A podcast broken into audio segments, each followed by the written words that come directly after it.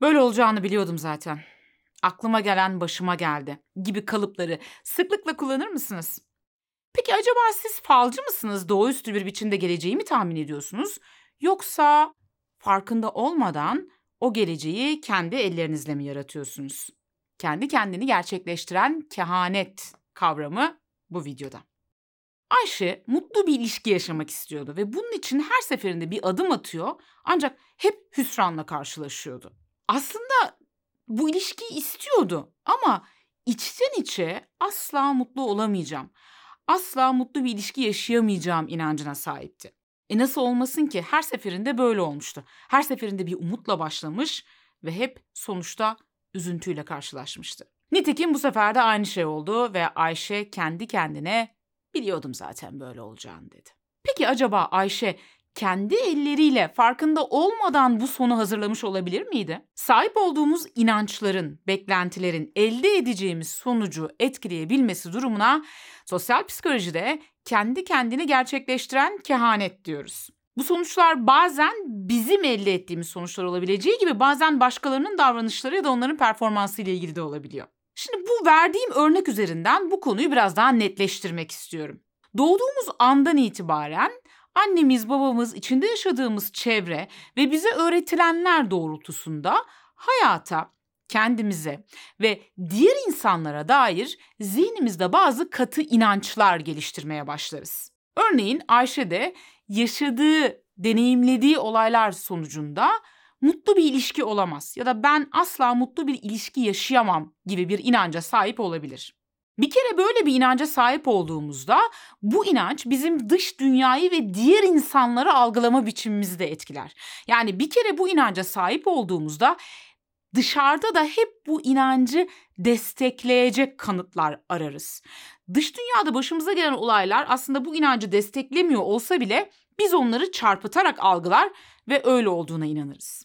Örneğin mutlu bir ilişkim olmayacak, e, sevilmeyeceğim inancına sahip bir kişi karşı tarafın davranışını aslında o amaçla yapılmamış olsa bile bak gördün mü beni sevmiyor işte o yüzden böyle yapıyor şeklinde algılayabilir. İşin ilginç yanı bir kere böyle bir inanca sahip olduğumuzda adeta bu inancı doğrulayacak kişilere, durumlara, olaylara karşı da çekiliriz.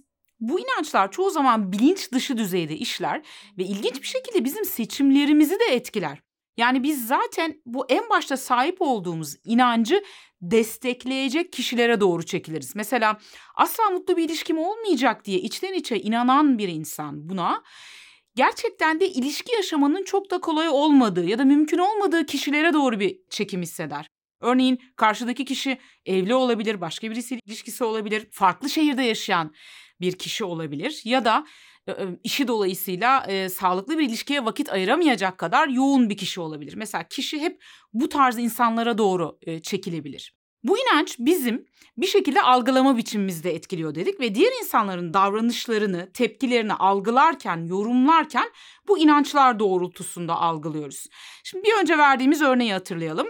Kişi diyelim ki bir mesaj attı karşı tarafa zamanında yanıt gelmedi ve ardından tabii bunu belki içeride bir kasıt yoktu fakat gördün mü işte bak bana yanıt vermiyor demek ki beni sevmiyor bana değer vermiyor şeklinde yorumlayabilir demiştik. Bu algılama ve yorumlama biçimi üçüncü aşamada ister istemez kişinin karşı tarafa verdiği tepkiyi de etkiler. Buna inanan kişi yani beni sevmiyor, bana değer vermiyor, gördü mü bak mesajıma yanıt vermedi diye bu olayı yorumlayan kişi ister istemez tepkisel davranacaktır. Yani o kişiyi uzaklaştıracak belki de bir takım davranışlar içerisinde bulunacaktır. Şimdi gördüğünüz gibi en başta Ayşe'nin sahip olduğu bir inanç vardı. Bu davranış yani Ayşe'nin nedensizmiş gibi görünen tepkisel davranışı bu sefer karşı taraftaki belki Ali'nin onunla ilgili inançlarını etkileyecek. Çünkü diyecek ki ne oldu ya birdenbire durup dururken benden uzaklaştı ya da birdenbire bana tepki göstermeye başladı. Gördüğünüz gibi Ayşe'nin en baştaki inancı Ali'nin şu anki inancını bile etkilemeye başladı. Bu sefer Ali'de oluşan bu yeni inanç Ali'nin Ayşe'ye olan davranışlarını etkileyecek ve belki Ali de Ayşe'den uzaklaşmaya başlayacak ve sonuçta toplam olarak baktığımızda yine Ayşe'nin en baştaki inancının kendi kendini gerçekleştirdiğini görmüş olacağız. Tüm bunlar olduğunda ne yapıyoruz? Yine ellerimiz bomboş, yüreğimizde bir sızı. Diyoruz ki bak gördün mü? Yine aynı şey oldu. Ben neden hep aynı şeyleri yaşıyorum diyeceğiz.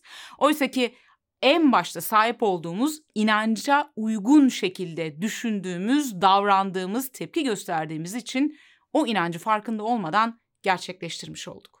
Peki eğer durum buysa ne yapmak lazım? Yani biz bir şekilde farkında olmadan sahip olduğumuz sağlıksız inançlar dolayısıyla hayatımızı bu şekle getiriyorsak neler yapmalıyız? Aslında burada atılacak ilk adım kişinin kendini tanıması. Yani bireysel farkındalık, öz farkındalık.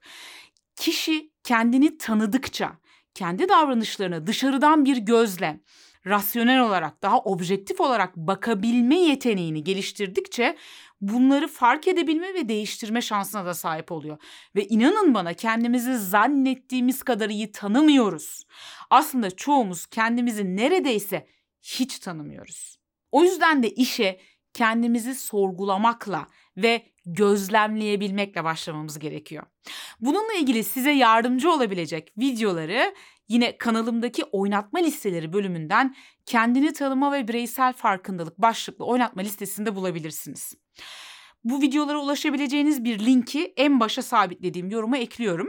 Ayrıca eğer bu beklenti etkisi ya da kendi kendini gerçekleştiren kehanet kavramı hoşunuza gittiyse, ilginizi çektiyse bununla ilgili bir diğer kavram olan Pigmalion etkisi kavramı da hoşunuza gidebilir. Bununla ilgili videom var.